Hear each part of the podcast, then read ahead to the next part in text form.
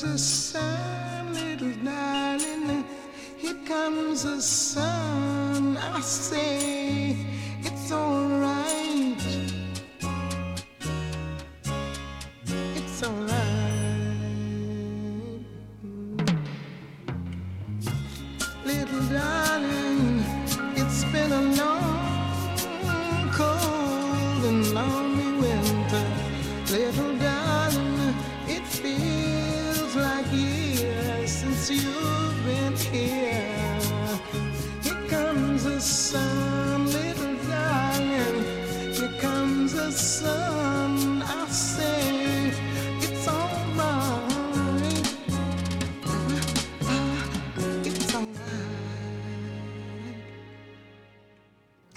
En welkom bij de Cultuurpers podcast.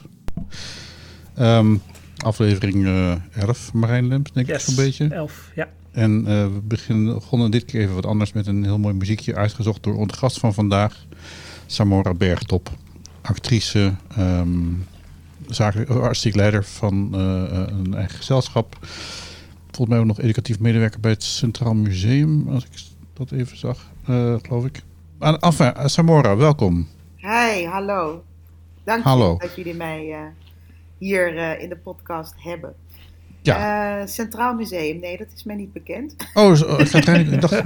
Nee, Katerijnen Convent, maar dat is al wel weer een tijdje geleden. Oh, oké. Ik als, Aha. heb ik cultuureducatie en ja, twee tentoonstellingen ingericht.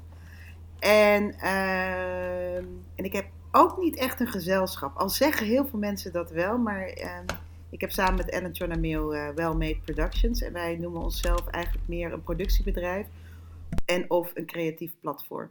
Oké. Dan is dat ook uit de weg gegaan. Ja, Qua onduidelijkheid. meteen van Ehm, binnenkomen. We, we- Ja. we- we beginnen deze eh, eh, podcast altijd met een poging tot het overzicht van de hoogtepunten van de afgelopen week in het leven van alle deelnemers. Mhm. Eh, soms mislukt dat, maar dit keer lukt het misschien wel. Ehm, Samora, wat afgelopen week, wat, wat, eh, wat is er allemaal gebeurd? Ehm, ik denk dat er heel veel in de wereld is gebeurd, maar mijn highlights. Ik ben maandag naar een voorstelling geweest. Volgens mij de eerste in het afgelopen nou, tien maanden. Ik was bij Wauw. Gliphoeven van Belmen Park Theater in co-productie met Elkater in Den Haag. Dus ik was ook op reis. Eh, moest wel weer voor de avondklok terug zijn. Maar dat was echt een. eh, ja, dat vond ik heel tof om daarbij. niet alleen dat het heel speciaal was om na zo'n lange tijd weer in het theater te zitten. Met een groep Ja. mensen. En dat ik daar vooraf getest voor moest worden. Dat vond ik allemaal heel spannend. Eh, ik zat bevend eh, bij Borgland in eh, Amsterdam Zuidoost. de test te ondergaan. Niet dat ik niet vaker ben getest, maar ehm, het is elke keer weer een soort dingetje. Maar ik had Willemijn en Willemijn was geweldig. Dus die heeft mij door, daar doorheen gepraat. Dus dat was een highlight.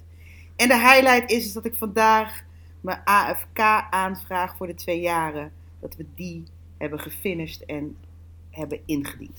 Oké. Hij, Dus is nog niet- hij is nog niet toegekend, maar... eh, hij is nog niet wel- toegekend, Nee. maar ik ga ervan uit dat dat gebeurt. Ik weet niet of het heel goed is om dat op deze podcast te zeggen, maar ik ben er heel trots op. Wa- waarom ga je ervan uit dat dat gebeurt? Ja, dat, iedereen gaat ervan uit dat dat, dat gebeurt, maar wat, Ja, maar... wat is het plan? Of mag je dat niet zeggen nog? Oh jawel, dat mag ik wel zeggen. Het, het plan, het is, een, het, is een, eh, het, het is voor de twee jaren van het AFK. En zij ondersteunen een aantal onderdelen. En wij hebben een plan ingediend eh, voor twee projecten. Een theatervoorstelling en een, eh, eh, een audiovisuele serie, serie die we willen gaan maken. Dus een tv-serie. Oké. Dus daar heb ik heel veel zin in, ja. Oké. Eh, Marijn, Ja. wat, wat is jouw hoogtepunt? ja, voor mij was het ook weer voor het eerst dat ik gisteren naar een, theater, een live theatervoorstelling ben, ge- ben geweest. Dat was via een van die testevenementen. Eh, maar dan eh, bij Theater Rotterdam. En eh, eh, daar is het dus nog steeds zo dat je gewoon in de zaal anderhalve meter afstand eh, houdt. En eigenlijk gewoon het theaterbezoek zoals dat voor de lockdown er was. Dus met, met zoveel mensen in de zaal als dat je anderhalve meter afstand kan houden. En met mondkapje als je je van plek naar plek beweegt. En ik was naar Verdriet is het ding met veren, de nieuwe voorstelling Oh. van Erik Wien. De, eh, is een bewerking van een novelle over een, eh, een rouwproces van een vader en twee zoons als, eh, als de moeder plotseling komt te overlijden. Het was vooral heel mooi gespeeld. Het is een beetje, ik vond het een beetje veilig in de zin van een conventionele opbouw en ook wel voorspelbaar hoe de emotionele boog zou verlopen. Maar vooral gewoon heel mooi gemaakt zoals Erik Wien dat goed kan met Hmm. veel aandacht voor de psychologie van alle personages en de, en de relaties tussen hen. Dus eh, echt eh, wel de moeite waard. En heel ontroerend eigenlijk überhaupt om weer in het theater te zijn, merkte Ja. ik toch wel. Ja, al. Cool. ja ik, ik, ik, ik ben nog niet zo gelukkig geweest. eh. Ik, ik zit hier nog steeds in een soort uh, self-made quarantine eh, in, in het zonnige lunetten. Ja. Had jij een ander hoogtepunt, uh, Wijbrand? Ik had een ander, nou ja, ik, ik, ik had diverse hoogtepunten. Nou, dat klinkt, dat klinkt wel heel raar. Nee, ik, ik was vorige week uh, was ik bezig met een, het is eigenlijk niet zo'n hoogtepunt, dat was meer gewoon wel grappig, raar of bijzonder of niet bijzonder. Maar uh, toen, uh, ik, had, ik had lucht gekregen van een aantal uh, vrije producenten die niet zo blij waren met het geld wat voor de vrije producties was beschikbaar gesteld door het Rijk, door het Fonds Podiumkunsten. En die vermoeden ook dat er producenten waren die er misbruik van maakten. Ja, en dan moet altijd cultuurpers ingeschakeld worden, want wij zijn er altijd om misbruik te ja. uh, opsporen. Dus ik ben gaan bellen, rondbellen. En, en, en wie dan uh, misbruik? Even op... Nou, dus dat, dat, er, dat, dat, dat er dus uh, geld werd aangevraagd voor dingen die eigenlijk dan daar niet bij zouden horen. Oh, oké, okay. ja. Dus, uh, want er, was, er, er, waren een paar producenten die dachten dat het dus alleen maar geld was wat je mocht aanvragen voor uh, dingen die niet doorgegaan waren. Mm -hmm. En, uh, en, en, en dan is er bijvoorbeeld een musical die, die nu afgelast is, maar, maar die dan volgend jaar toch nog in première komt. En dan dachten zij, ja, dus eigenlijk dan heeft die producent, uh, ondanks dat die vrije producent is, toch gewoon een productiesubsidie gekregen van uh, het fonds. Dus dat vonden ze eigenlijk niet horen. Mm. Nou ja, dat bleek dus uiteindelijk toch een enorme storm in een glas water. dus dat. Uh, en verder ook wel, dat vond ik ook wel opvallend, dat ik sprak een aantal acteurs die uh, zelfstandigen zijn. En die dus ook niet betaald waren uit dat geld wat dus die vrije producenten hadden geïncasseerd. Maar die vonden dat ook helemaal niet erg. En uh, nou, de, dus, dus het was wel echt. Maar dat is wel ook de bedoeling van, die aan, van, dat, van dat geld dat ook. Nou, de... dat is wel waar het fonds eigenlijk vanuit ging, ja. Okay. Um, dus, dus, dus, dus het geld wordt niet altijd doorgegeven aan, uh, aan alle betrokkenen.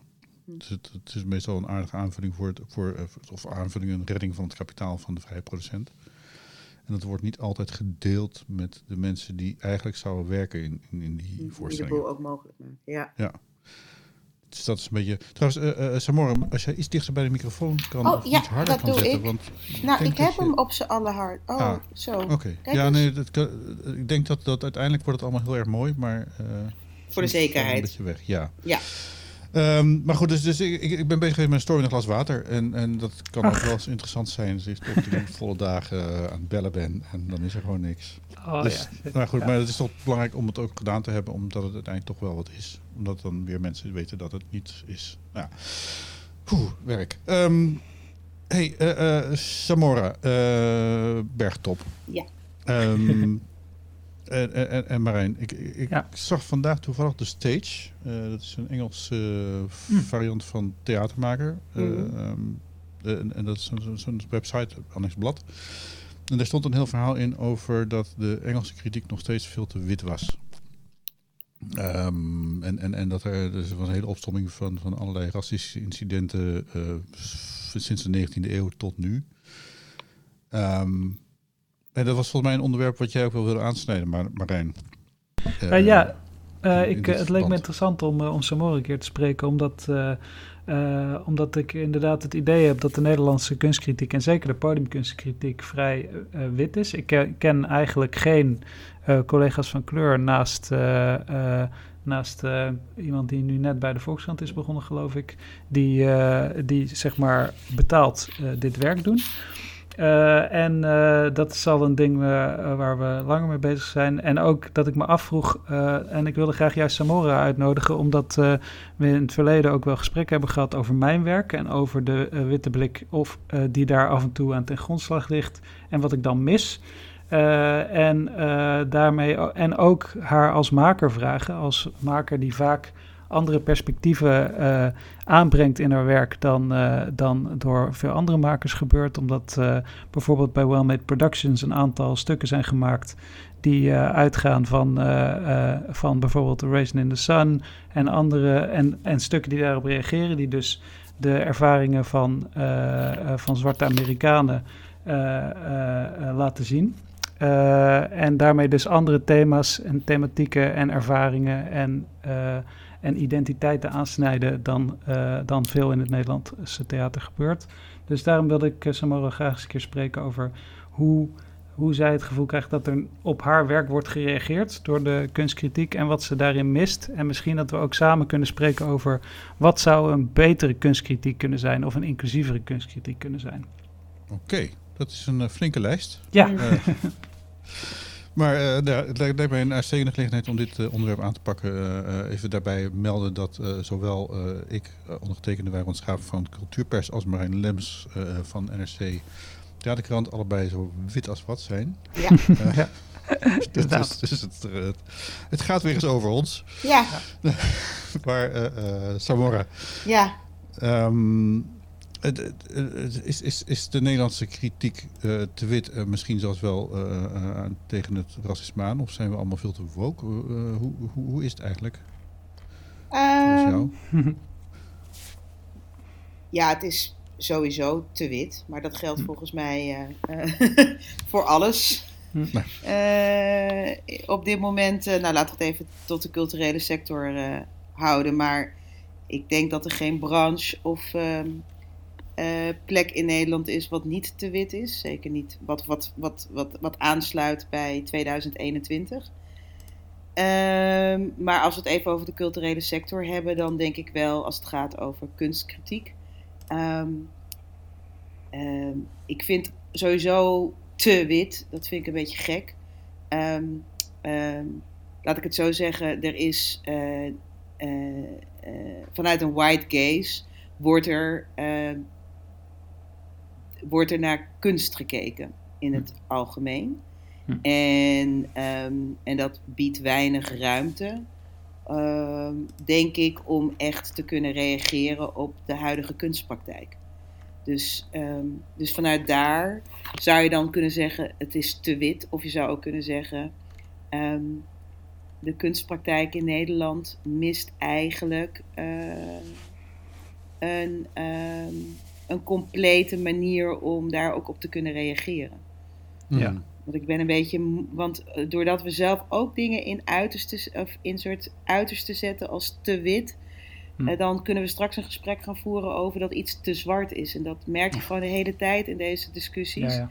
Dat ik denk, volgens mij moeten we uitgaan van het feit dat um, als je een kunstpraktijk hebt die reageert op, um, op het handelen van mensen, op ja, ik, ik, dan zou je ook moeten kijken naar de mensen die daar dan op reageren. Of die dan een afspiegeling of wel een ja. representatie zijn van die kunstpraktijk.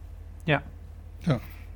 Ik, ik, moet even, ik weet niet of dat hier heel erg toepasselijk bij is, maar ik, dat, dat, schiet mij in dit soort verbanden schiet opeens te binnen. Een, een, een uh, quote uit de podcast die, uh, ik heb nu niet helaas uh, online staan, mm -hmm. van Bruce Springsteen samen met Obama. Hmm. Die hebben een podcast opgenomen, ja. een serie, uh, die buitengewoon uh, entertaining is. Waarin op een gegeven moment uh, Bruce Springsteen een verhaal vertelt over dat ze met de E Street Band in, geloof Kenia of Zimbabwe optreden. Hmm. En dat Bruce Springsteen zich enorm verbaast over hoe raar die zaal naar hem kijkt. Echt, ja, alsof hij een. een nou, en, en hij, hij ziet helemaal niemand die die waarmee hij iets kan, kan, kan, kan, kan delen of wat dan ook. Dus hij het is een hele rare ervaring. En, en s'avonds in de kleedkamer zegt uh, Clarence, Clarence Clemens, de, uh, de saxofonist van uh, de E Street Band, tegen hem van ja, nou, nu weet je hoe ik me iedere keer voel als we toeren door Amerika. Mm.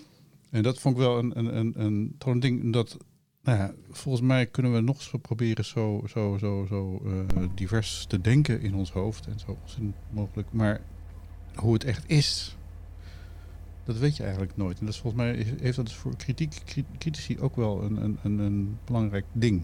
Ja, ja, dat denk ik ook. En ik denk ook ehm, ehm, het kleurenblind denken. Want daar geraakt het een beetje aan dat we Mhm. denken dat we dat allemaal zo in ons hoofd, Ja. nou ja, wat je net al zei, divers kunnen denken.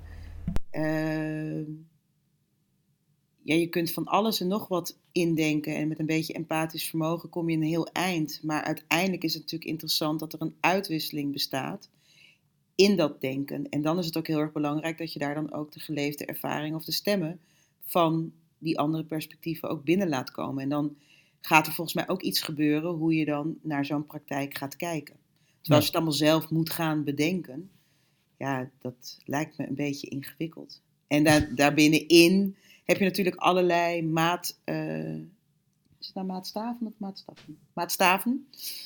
Eh, langs welke lijn je dat dan legt. Ik bedoel, daar, daar kun je dan met elkaar over gaan twisten. Ja. Ja, Maar- daar, dat, dat lijkt me inderdaad een interessante vraag. Van dat, eh, eh, omdat eh, de kunstkritiek eh, vrij homogeen is, zullen we maar Mhm. zeggen, een homogene verzameling mensen is, eh, dat er dan makkelijker een neiging ontstaat om te gaan denken van de blik die wij met z'n allen gemeen hebben, vertegenwoordigt een bepaalde universaliteit. Een Ja. bepaalde, bepaald idee over wat voor de hele mensheid geldt. En dat zie je ook veel bij eh, hoe er over de, de westerse kanon wordt gesproken. Da- daar wordt altijd over gesproken in termen van universaliteit. Shakespeare is universeel, Chekhov is universeel. Eh, en daarom kunnen die stukken ook steeds weer worden herhaald zonder dat er naar, de, eh, naar een nieuwe context zou moeten worden gekeken. En dat soort verhalen, dat, dat verspreidt zich natuurlijk, dat wordt nooit bevraagd, tenzij er Mhm. mensen van, met van andere perspectieven in die discussie eh, gaan meedoen. Ja, en, En dat vind ik, sorry, go ahead. Nee, en dan kom je er ook eigenlijk achter dat we dus met z'n allen, ehm, including me, ehm, iets hebben gedacht wat niet zo blijkt te zijn. Het is totaal niet universeel.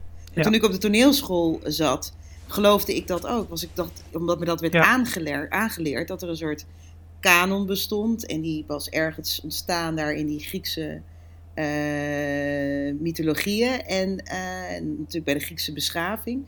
En dan in één keer kom je erachter, maar ho ho, dat gaat omdat het iets be- herbevestigt. En niet Hm. zozeer het werkelijk over dat universele gaat. Omdat er ook Nee. daarbinnenin enorme geschiedenissen worden uitgesloten. Ja, Dus eh, nee, en ik denk dat de tijd zich nu, dat we dat de tijd zich nu echt enorm inhaalt. Of dat wij worden ingehaald door de tijd. En dat nu in één keer blijkt dat dat helemaal niet waar is. En dat er dus ook niet een soort waarheid bestaat over wat dan daarin kwaliteit is. Of wel, langs welke lat je het dan legt als je het over kunstkritiek hebt. Ja, ja je, je merkt denk ik dat je ook in navolging van bredere maatschappelijke processen, waarin een enorme emancipatieslag plaatsvindt, eh, eh, zowel voor mensen van kleur als voor vrouwen, zou je kunnen zeggen, Mhm. met en de MeToo-beweging en de Black Lives Matter-beweging en de Anti-Zwarte Piet-beweging in Nederland, dat er veel meer emancipatie en dus ruimte wordt gemaakt voor, de eigen, voor het eigen perspectief en de eigen identiteit. Eh, eh, die, eh, waardoor die universaliteit wordt bevraagd. En dat er dus daar, daarom ook allerlei makers, theatermakers, dansmakers opstaan, die meer vanuit, vanuit ja, subculturen of vanuit, vanuit de eigen culturele achtergrond durven te vertrekken in Mhm. hoe, ze, hoe ze werk maken of welke verhalen ze vertellen. En merk, merk jij dat ook, dat er, dat, dat steeds meer gebeurt? Of, of eh, eh, eh, wat voor makers zie je om je heen die nu meer ruimte ervaren? Nou, wel wat jij zegt, het, het, doordat individuen, groepen, noem maar dan toch maar even het gemarginaliseerde, eh, Ja. door, door dat emancipatoire, dat je dus wel ziet dat men eigenlijk het universele verruimt. Ik, ehm, ehm, naast dat het dan de zogenaamd universaliteit van het westerse denken bevraagd wordt, zie je eigenlijk dat het heel erg verrijkt wordt. En dat er Ja. dus eigenlijk een veel universele verhaal ontstaat over dat menselijk handelen of de positie van de mens in de wereld en in het denken van de mens. Ehm, Want dat vind ik ook altijd gevaarlijk. Ik, door te zeggen dat het universele wordt bevraagd. Er is gewoon geen universaliteit op die manier. Nee. Ehm, dan dat er verhalen zijn of geleefde ervaringen die mensen ehm, gebruiken eh, of inzetten om daarin een medium te kiezen hoe zij ervoor kiezen om hun eh, kunstpraktijk in te richten. En al die verhalen creë- creëren een soort universeel gegeven over waar we staan als de mens. Ja. Ja. Maar, maar, mag, mag ik hier even eh, op, op inspelen? Ik, ik Ja. probeer ook een beetje, eh, om- omdat we zijn wel een nerd-podcast, maar eh, we moeten proberen om, om het, het concreet te, te, te houden. Ja. Ehm, nou, ik denk ook voor dat, dat, dat kunst voor veel, en nou, dat we het even eh, beperken tot, tot de podiumkunst, de acteerkunst en misschien wel de, de film en televisie, hoewel Mhm. dat weer twee totaal andere takken van sport zijn. Ehm, daar hebben, men, mensen gebruiken natuurlijk kunst ook als een identificatiemiddel. Absoluut. Om, om zich, eh, wel, en, en dan is muziektheater ook niet als datgene wat je op het toneel ziet, maar als ook wat er om je heen in de zaal zit. Eh, en in de foyers. Ik bedoel, je, je, vindt het eh, fijn om daarbij te horen of je vindt het niet fijn om erbij te horen. En dat is volgens mij ook wel een van de redenen waarom het- in de zalen nog zo wit is. Dat is ook de. Nou, het, is natuurlijk een, een, een, een, eh, een, een uitje, zeg maar, tussen mensen van een zekere klasse, van een zekere kleur. Daar, daar, daar is je heel moeilijk tussen te komen. En zodra je bij in het Hollands Festival opeens een, een Marokkaanse of een Arabische voorstelling hebt, dan mengt het wel meer, maar ook nog niet echt. Of het is anders. Nou, Dus, ik denk eh, dat we gewoon heel gesegregeerd zijn. Want ik denk helemaal niet. Ja. Er is een wit feestje, maar de- dat witte feestje. dat houdt zichzelf daarin in stand. Maar Ja. in de tussentijd is er een hele praktijk ontstaan. van allerlei eh, eh, mensen. die hun ding aan het doen zijn. Want iedereen, tot welke groep je je ook identificeert of hoort. of ehm, in herkent. Ehm, heeft vermaak. Dus misschien moeten we het woord kunst ook even weghalen men wil, eh, gaat voor zijn plezier of, ehm, en, en behoefte aan ehm, het vermaakt worden naar theater toe of kijkt een serie, et cetera, et cetera. Ja. En daarin, wat je vooral ziet, is dat het witte feestje in één keer denkt: oh mijn god, er is een hele wereld waar wij helemaal niet aan meedoen. En Ja. daarin heb je absoluut ook stemmen, omdat, en dat komt ook heel erg vanuit de infrastructuur, die is, is altijd gekoppeld aan middelen en dan financiële middelen, waarin die hele andere grote praktijk, die mega groot is, en ook niet per se van gisteren of van vorig jaar, Mhm. toen hier in Nederland eh, Black Lives Matter op de kaart werd gezet, al aan de hand is. Ik bedoel, dat is, dat is al heel lang bezig. En die zeggen, die makers zeggen van ho ho, maar ik wil wel ook, ehm, als daar geld voor beschikbaar is, wil ik daarin mee eh, doen. Wil ik aan die taart eten? Wil ik ook een stuk, stuk van die taart hebben?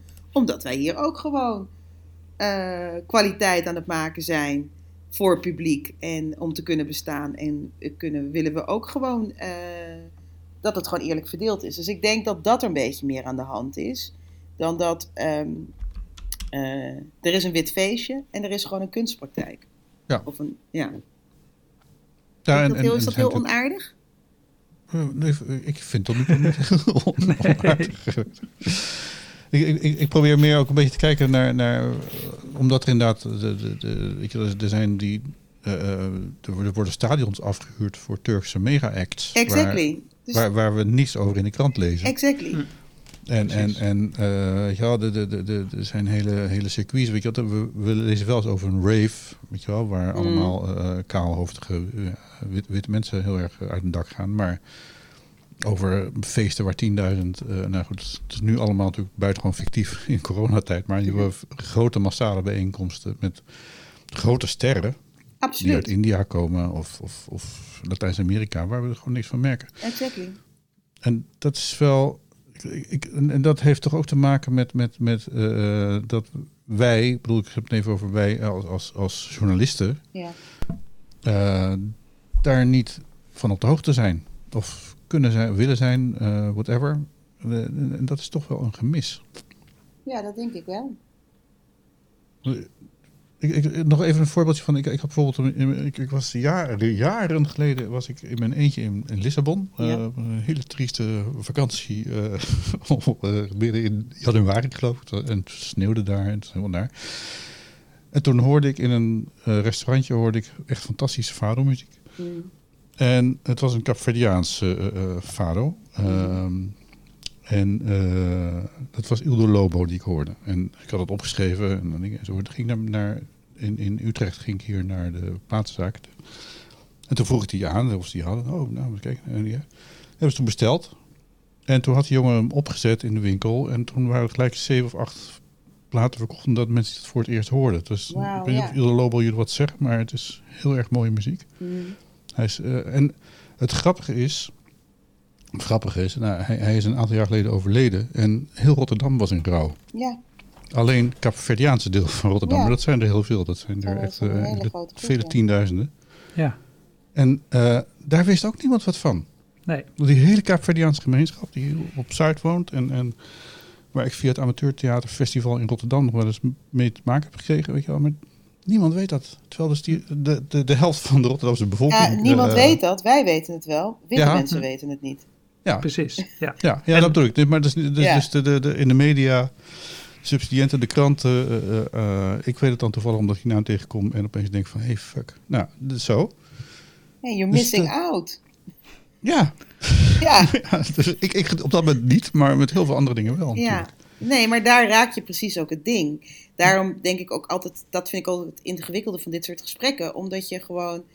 ehm, eh, voorheen deed ik nog wel heel erg mijn best om mezelf dan zo uit te leggen. Of allerlei dingen aan te halen van ja, maar dit en dit en we zijn wel goed en we zus. En nu denk ik de hele tijd, ja nee, ja, ehm, dat establishment, laat ik het dan zo noemen, ehm, wat de norm denkt te bepalen, mist gewoon ontzettend veel. Hm. Ja. En ja, dat kan, dat kan niemand voor ze oplossen dan dat ze dat zelf kunnen doen. En dat gaat over ruimte maken. Ruimte maken, ehm, ehm, dat kun je doen door je eigen nieuwsgierigheid. Nou, zoals dat jij dan toevallig in Portugal of in Lissabon ehm, eh, in een restaurant of een café zo eh, eh, die muziek hoort en daarnaar op zoek gaat. Nou ja, dat kan op die manier. Maar het, en het kan ook, en dat kan allemaal naast elkaar bestaan, dat je als media, en dan bijvoorbeeld in het geval van kranten, eh, denkt van ja, laten wij dit niet allemaal proberen op te lossen. Maar als we gewoon naar de samenstelling van ons, eh, van ons land kijken, of naar het grootstedelijke, en die mensen eh, wonen daar, laten we op zijn minst zorgen dat die mensen ook hier, al is het op freelance basis, bij een krant die nieuwe informatie of die andere informatie bij ons kunnen brengen. In wat voor Ja. vorm dan ook. Ik bedoel, het is niet heel moeilijk, hè? Het is geen eh Nee. hogeschoolwerk. Nee, maar het hangt natuurlijk wel af van wel, wat, wat krijg je mee en eh, in, welke, eh, in welke gemeenschappen ben je, bij welke gemeenschappen ben je zelf betrokken. Want verschillende groepen mensen in een samenleving hebben natuurlijk verschillende dingen waar ze zich voor interesseren. Dus daarmee is het inderdaad heel belangrijk dat er mensen vanuit verschillende gemeenschappen gerepresenteerd zijn binnen, de, binnen dat establishment, binnen de mensen die schrijven over wat er in de samenleving gebeurt. Mhm. Ja. Maar Is het- ja? Het is misschien een beetje een slecht voorbeeld. En ik wil ook helemaal geen reclame ervoor maken of wat dan ook. En er Mhm. valt ook van alles nog wat over te zeggen. En echte jazzcats zullen daar ook wat van, van, van vinden. Maar ik haal aan, North Sea Jazz. Ik ben helemaal niet... Ik ga daar nog maar sinds twee of drie jaar ga ik daarheen. Maar wel een heel leuk festival. Ja, het is een heel leuk festival. Maar ja, ik weet niet precies... eh, je hebt natuurlijk hoog gekund, weet ik veel. Maar goed, laten we op North Sea Jazz. Wat zij heel slim weten in de programmering... en dat vind ik bijvoorbeeld... daar zou je heel goed naar kunnen kijken... door welke lijnen, wereldlijnen heen er muziek wordt geprogrammeerd. En dan zie je daarin, en daar valt nog steeds van alles nog wat voor te zeggen, omdat het wel geprogrammeerd is op een hele hoge toegankelijkheid, wat ook logisch is. Het kost me nogal wat. Ehm, ehm, waarin al die lagen worden geraakt, waar jij het al net over had, Marijn. Van, ja, het is natuurlijk heel veel smaken en heel veel moet je wel weten welke, weet je, met eh, welke groepen je zit en wat daar dan speelt. Maar ik vind Mhm. bijvoorbeeld North Sea Jazz, die raakt best wel een brede muzieklaag. Mhm. Eh, van eh, muziek wat van het Afrikaanse continent komt tot aan nou ja, de andere kant helemaal op. En daarin denk ik, daar zou je best wel als krant naar kunnen kijken. Wat speelt daar? Wat doen die programmeurs? Mhm. En naar aanleiding daarvan kun je ook best wel een soort algemeenheid opmaken waar Ja. mensen hard op gaan. Ja. En, eh, en dan heb je niet elk individu te pakken, maar wel grote groepen. Als jij weet, ik weet bijvoorbeeld dat Nollywood, dat is een mega ding. Mijn tantes en ooms, Ja, die kijken, hebben een kastje, of ik weet niet hoe ze het kijken, dvd's gewoon nog. En die kijken die series. ja, Ik lees nooit in de Volkskrant of in het NRC iets daarover. nee. Dat en is ook, een mega, dat is een, Ja. naast Bollywood is Nollywood gewoon, Hollywood is ook- helemaal niet meer hot.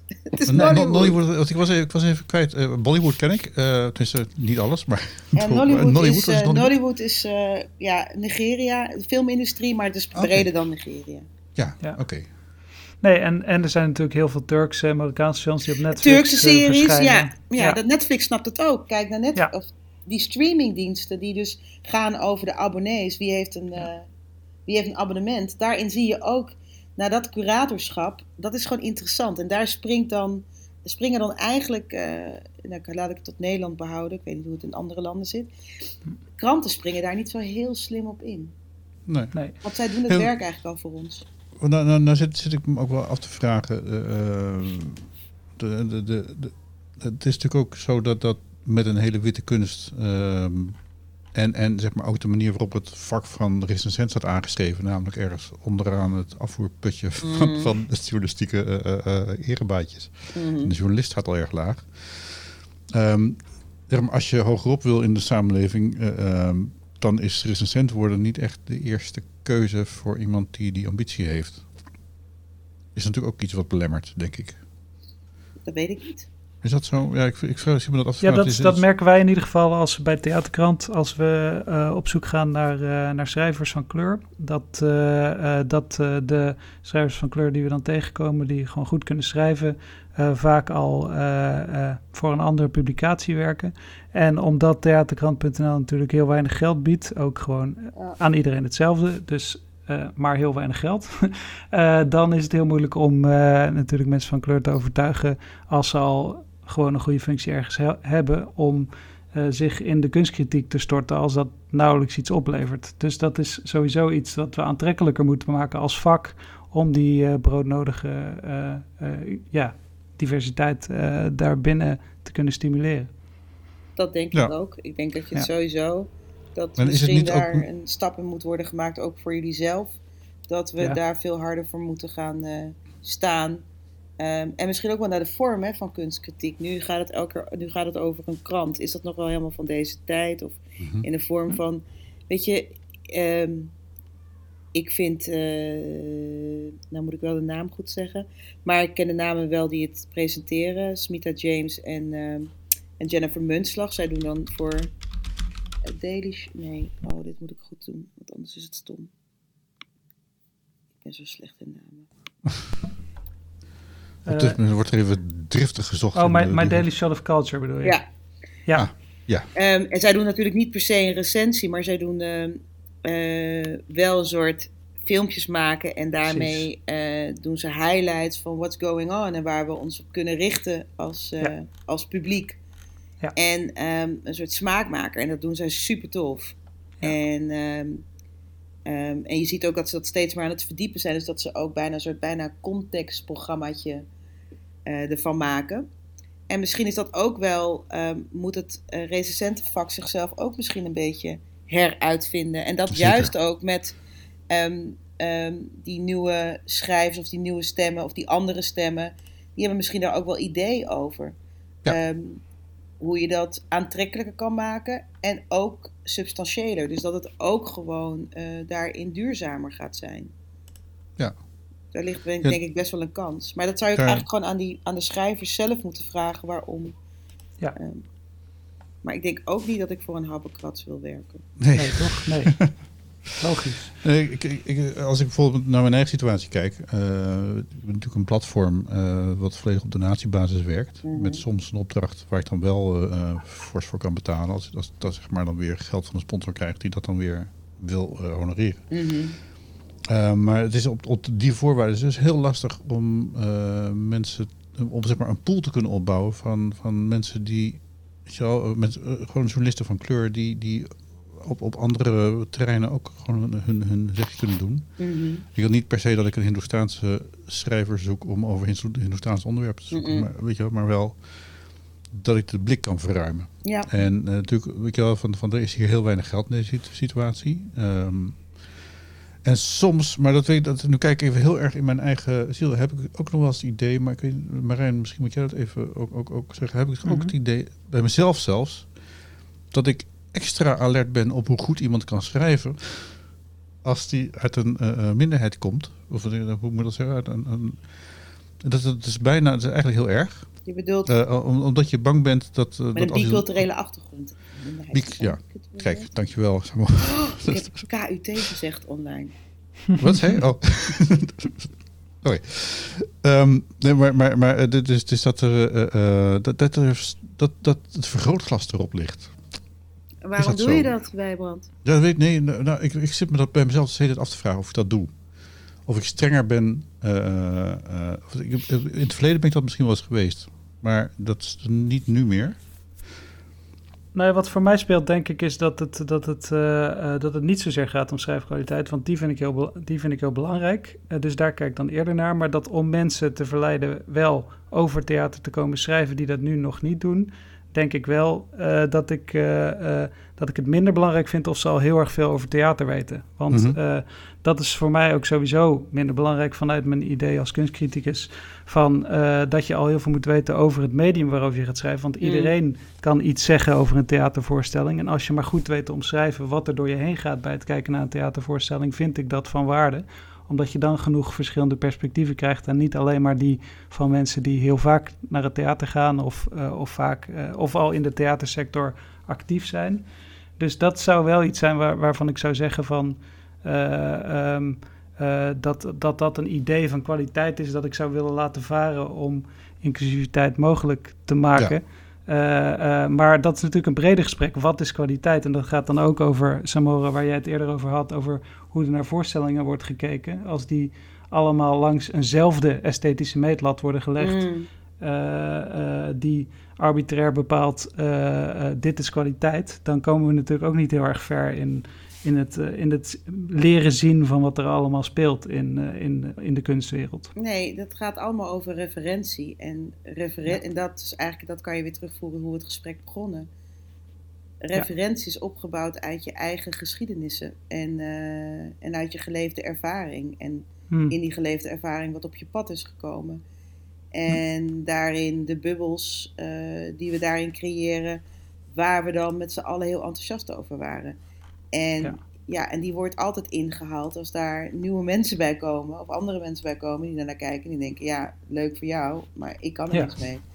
Ja. Um, en dan staat het dan meteen op de tocht. En ik denk wel eens dat we met elkaar veel strenger moeten praten over um, waarom hechten we zoveel waarde. Ik zeg niet dat het niet zou moeten. Mm -hmm. um, binnen de Nederlandse, uh, als ik het dan bijvoorbeeld even alleen over theater heb, want daar denk ja. ik dat ik dan daar het meeste van weet, um, podiumkunsten. waarom hechten wij zoveel waarde aan een bepaalde esthetische vorm. Ja. En, um, en, en waarom wordt die heel erg gezien als een soort waarheid? En ja. wat, waar zijn we dan angstig over? Uh, ja, en iets anders misschien heel, staat. Misschien om het heel concreet te maken. Ik weet nog, uh, Samora, van toen jouw uh, voorstellingen bij Well Made Productions verschenen, de trilogie Ja. die je daar hebt gemaakt dat het toen ook vaak, zeker bij uh, in the Sun, ook ging over uh, wat als zeg maar ouderwets teksttheater werd gezien. Als, uh, als een esthetiek die, die, ehm, die als eh, achterhaald werd gezien in sommige recensies. En dat viel me inderdaad op. En ik weet niet of dat dan ook is bijvoorbeeld wat je bedoelt. Dat we dus in Nederland de eh, in de Nederlandse theaterkritiek of traditie een bepaalde abstractie of een bepaalde eh, eh, eh, weggaan van psychologisch realisme, dat op, dat op een bepaald voetstuk hebben gezet. Terwijl in, jou, in de voorstelling die ik van jou heb gezien, eh, inderdaad juist dat psychologische realisme wat meer op de voorgrond staat. Dus hoe is dat bijvoorbeeld een voorbeeld van wat je bedoelt van eh, dat een bepaalde esthetiek primeert over, over andere esthetieken? Ja ik, ja, ik heb dat met Erasing the Sun. Dat is wel een goede om dat aan te halen. Ja. Ik vind dat sowieso Ja. interessant, die hele trilogie. Ja. Ehm, ik heb dat niet per se zo teruggelezen in de recensies. Vooral wat Hm. ik, wat ik, wat ik, wat ik merkte, dat de recensenten heel erg getriggerd worden... het moment dat het over zwart-wit gaat. Hm. En, ehm, en over, eh, en dan in dit geval, ehm, Amerikaans repertoire. Hm. Eh, want volgens mij is dat wat bij heel veel recensenten eh, Ah. geraakt. En dan komt het in één keer ouderwets. Terwijl Ja. ik denk niet dat Erasing the Sun ehm, heel veel anders wordt gespeeld dan andere grote gezelschappen met hun acteursensemble.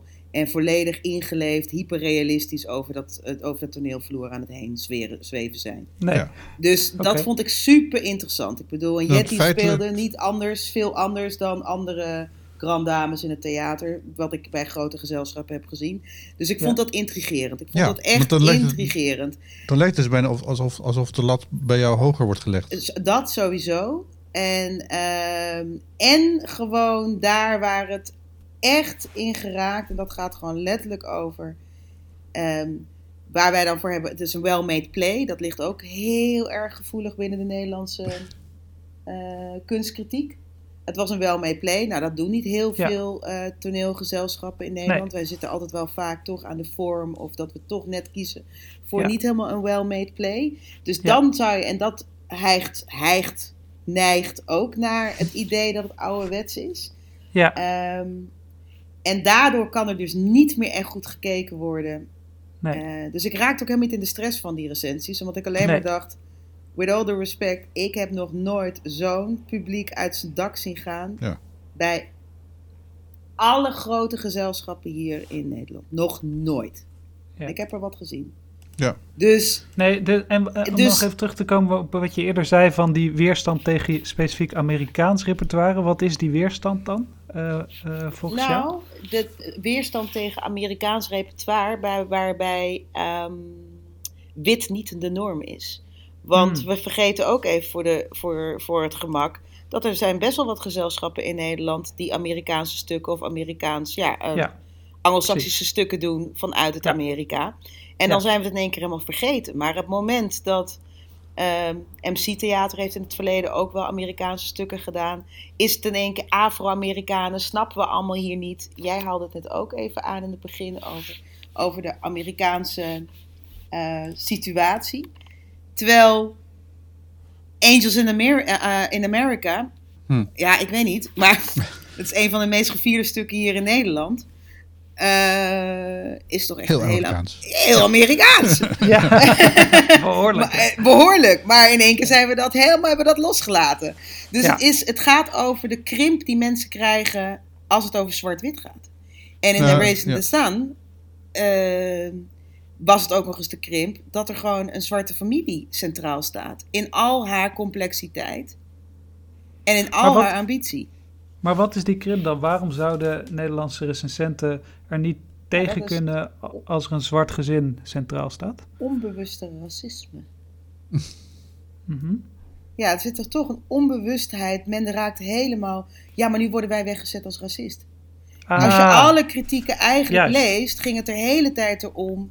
Ja, maar dit is wel heel Amerikaans. Het is Ja. niet wat hier in Nederland aan de hand is. Ah, precies. Ah, nu Ah. snap ik je. Ja. Ja. Dus het ging over de, over de zeg maar, de, de, het interrelationele tussen de zwarte en de witte personages. Waardoor de witte kijkers, de witte critici het gevoel kregen van... witte mensen worden hier op een bepaalde manier neergezet. Ook dat. En in Erasing the Sun zit natuurlijk maar één wit personage. En die zit Ja. in de tweede helft.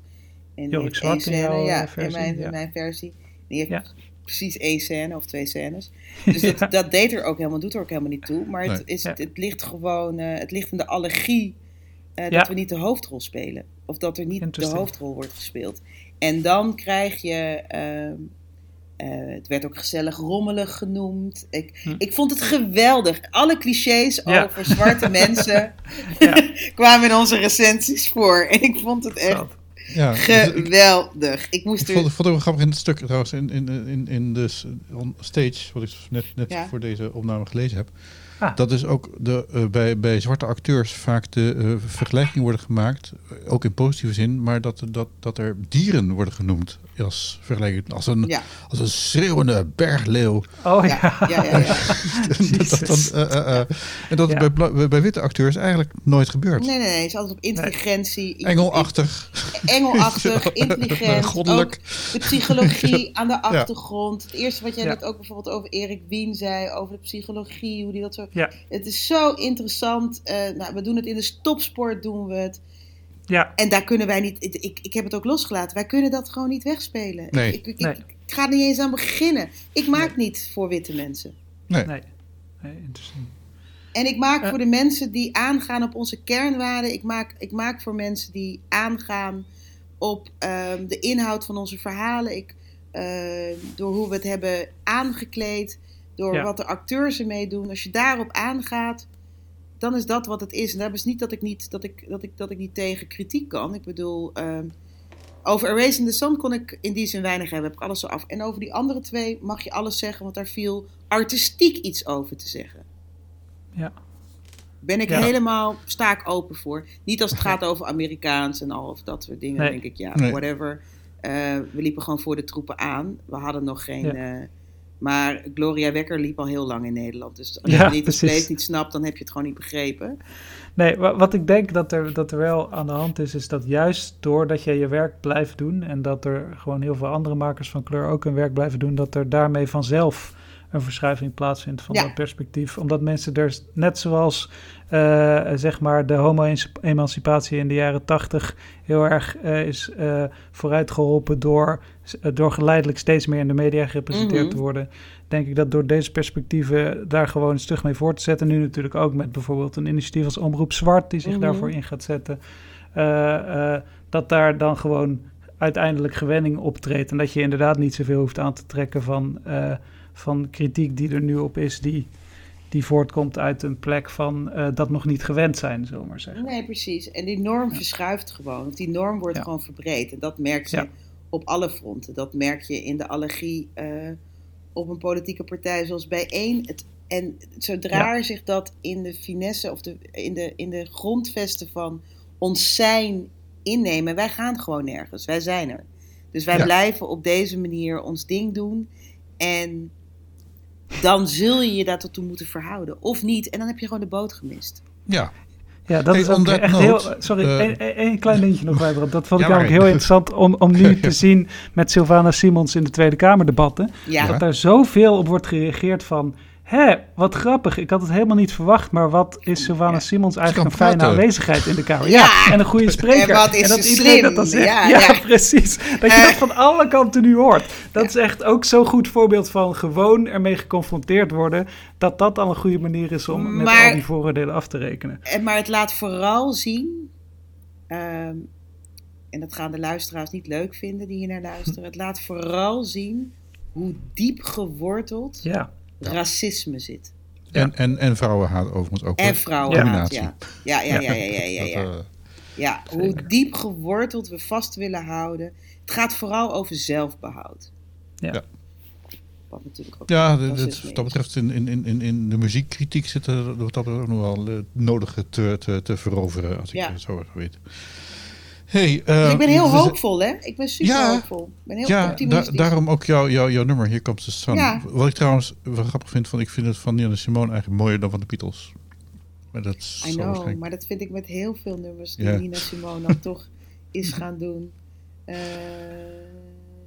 dat ik echt denk, oh wauw, de breekbaarheid. En de, nou, de breekbaarheid, dat is niet het goede woord, want zij is als er iets niet...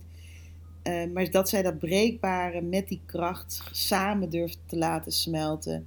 En ook de, wat je dan zou kunnen zeggen, de imperfectie. En daardoor wordt het perfect. Hmm. mooi. Hey, Eh, eh, we zitten op wij 49 minuten. Is er nog tijd Echt? om... Sam- is er, is er nog tijd om Samora iets te laten vertellen over het project waar ze nu mee bezig is? Want dat heb ik gisteren met haar voorbesproken. En dat is wel Oh. super interessant, ook in Nou, deze, dan- dit gesprek over representatie Als, als beloning voor de mensen die tot hier zijn blijven luisteren. Eh, eh, Overigens, de, de, de, de, de statistieken van eh, de podcast wijzen erop dat mensen meestal tot het eind blijven luisteren. Dus dat Oh, wel dat goed. is een goed Oké, punt. mooi.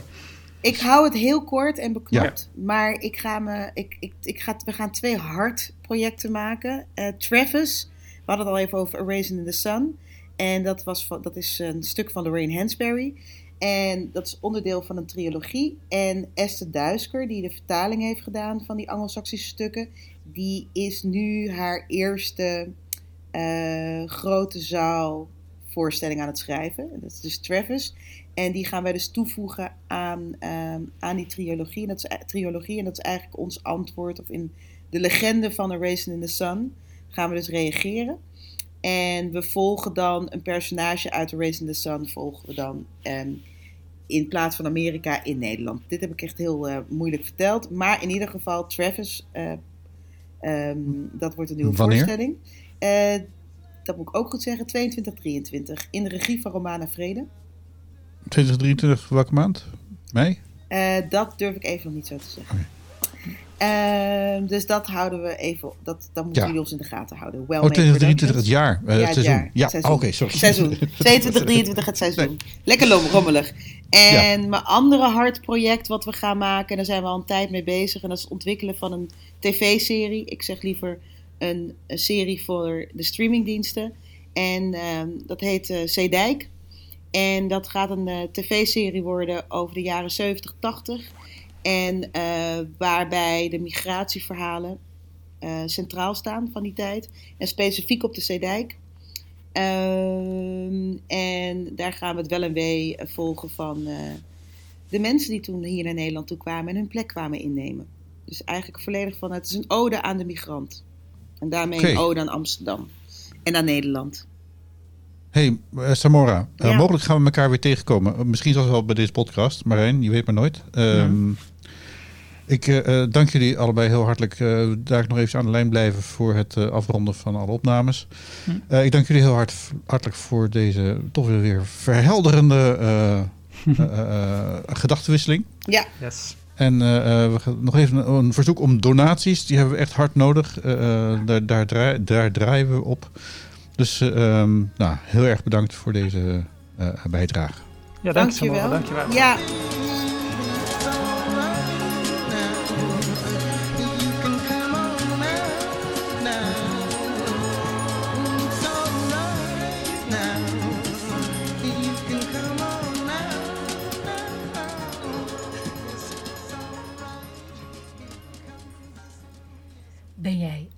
met deze podcast? Laat het dan merken met een kleine donatie. Kijk op www.cultureelpersbureau.nl slash doneren en maak ons gelukkig. Dus www.cultureelpersbureau.nl schuine streep doneren.